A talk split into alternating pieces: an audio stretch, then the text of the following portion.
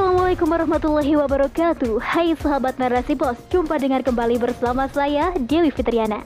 Inilah rubrik opini. Melambungnya harga tiket masuk Candi Borobudur Kapitalisasi sektor pariwisata. Oleh Rohma Umu Arifah.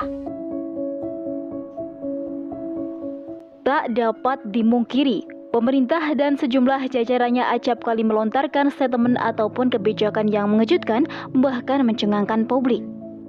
Salah satunya adalah rencana kebijakan yang dilontarkan oleh Menteri Luhut Binsar Panjaitan terkait naiknya harga tiket masuk ke Candi Borobudur.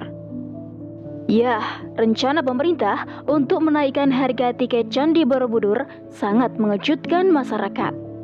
Menteri Koordinator Bidang Kemaritiman dan Investasi Luhut Binsar Panjaitan mengatakan seiring dengan rencana ini pihaknya sepakat membatasi kuota turis yang ingin naik ke Candi Borobudur hanya 1.200 orang per hari dengan biaya 100 US dollar untuk turis mancanegara dan 750.000 untuk turis lokal.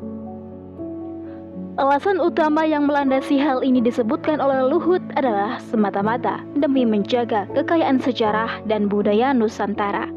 Candi Borobudur merupakan destinasi wisata berkualitas dengan konsep yang akan dikembangkan sebagai cagar budaya bertaraf internasional.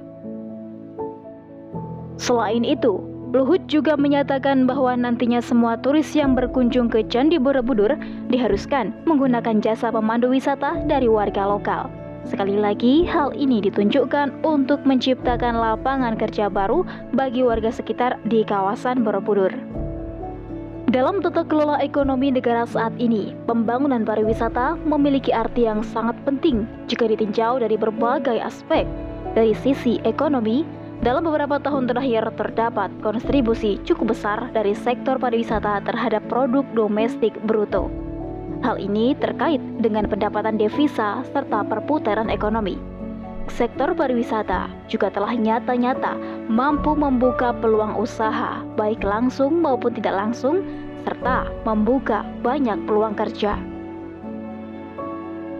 Dalam pengelolaan pariwisata di berbagai negara, industri pariwisata selalu menunjukkan kontribusi besar dalam urutan keempat atau kelima penghasil devisa bagi negara.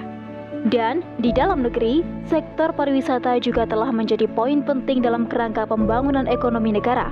Sektor ini telah terbukti mampu menjadi penyumbang besar devisa negara serta mampu menyerap tenaga kerja dalam jumlah besar.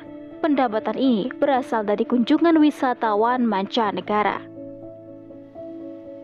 Islam tentu memiliki cara pandang yang khas dan tersendiri mengenai sektor pariwisata ini yang menjadi pembeda paling kentara dalam sistem tata kelola saat ini oleh negara sekuler adalah prinsip utama di mana Islam tidak menjadikan sektor pariwisata sebagai sumber utama pendapatan negara di mana hal ini mengharuskan negara melakukan pembangunan pariwisata secara besar-besaran serta membuka keran masuknya wisman tanpa hambatan. Ya, Islam mendasarkan pemasukan atau pendapatan negara dari pos-pos yang telah digariskan dalam hukum syara, seperti zakat, jizyah, kharaj, usr, serta pengelolaan harta kepemilikan umum dan harta kepemilikan negara. Dengan pengelolaan yang apik dari beberapa sektor utama ini, negara tak perlu lagi melirik para pariwisata sebagai salah satu pilar utama penopang ekonomi.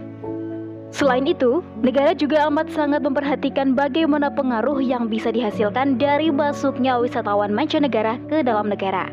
Hal ini tentu saja tak banyak dipikirkan, walaupun secara nyata memberikan efek kepada pola interaksi sosial masyarakat setelah bersinggungan dengan warga negara asing yang memiliki budaya dan gaya hidup yang berbeda.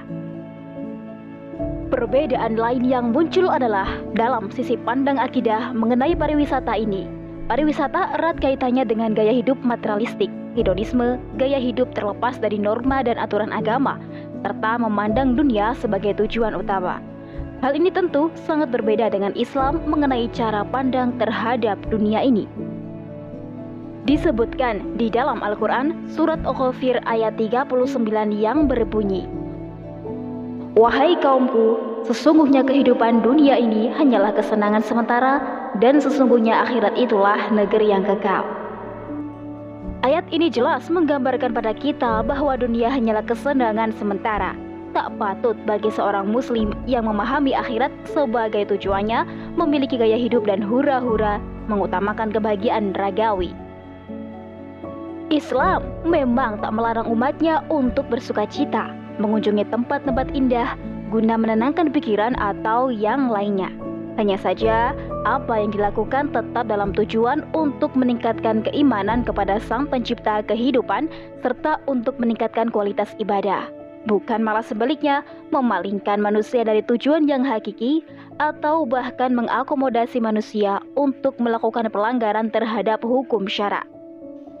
Dalam berwisata pun, Muslim juga harus tetap memperhatikan kaidah atau hukum syarak mengenai hal ini.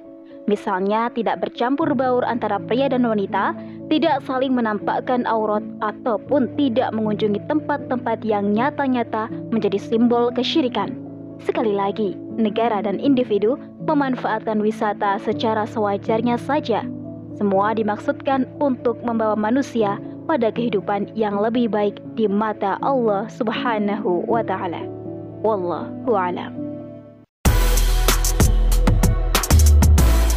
Bagaimana sobat? Makin greget setelah dengar opini kali ini? Yuk tinggalkan sistem kapitalisme dan tegakkan sistem Islam. Saya Dewi Fitriana. Sampai jumpa di podcast Narasi Pos selanjutnya, tentunya di rubrik-rubrik yang berbeda. Tetap stay tune ya. Bye-bye.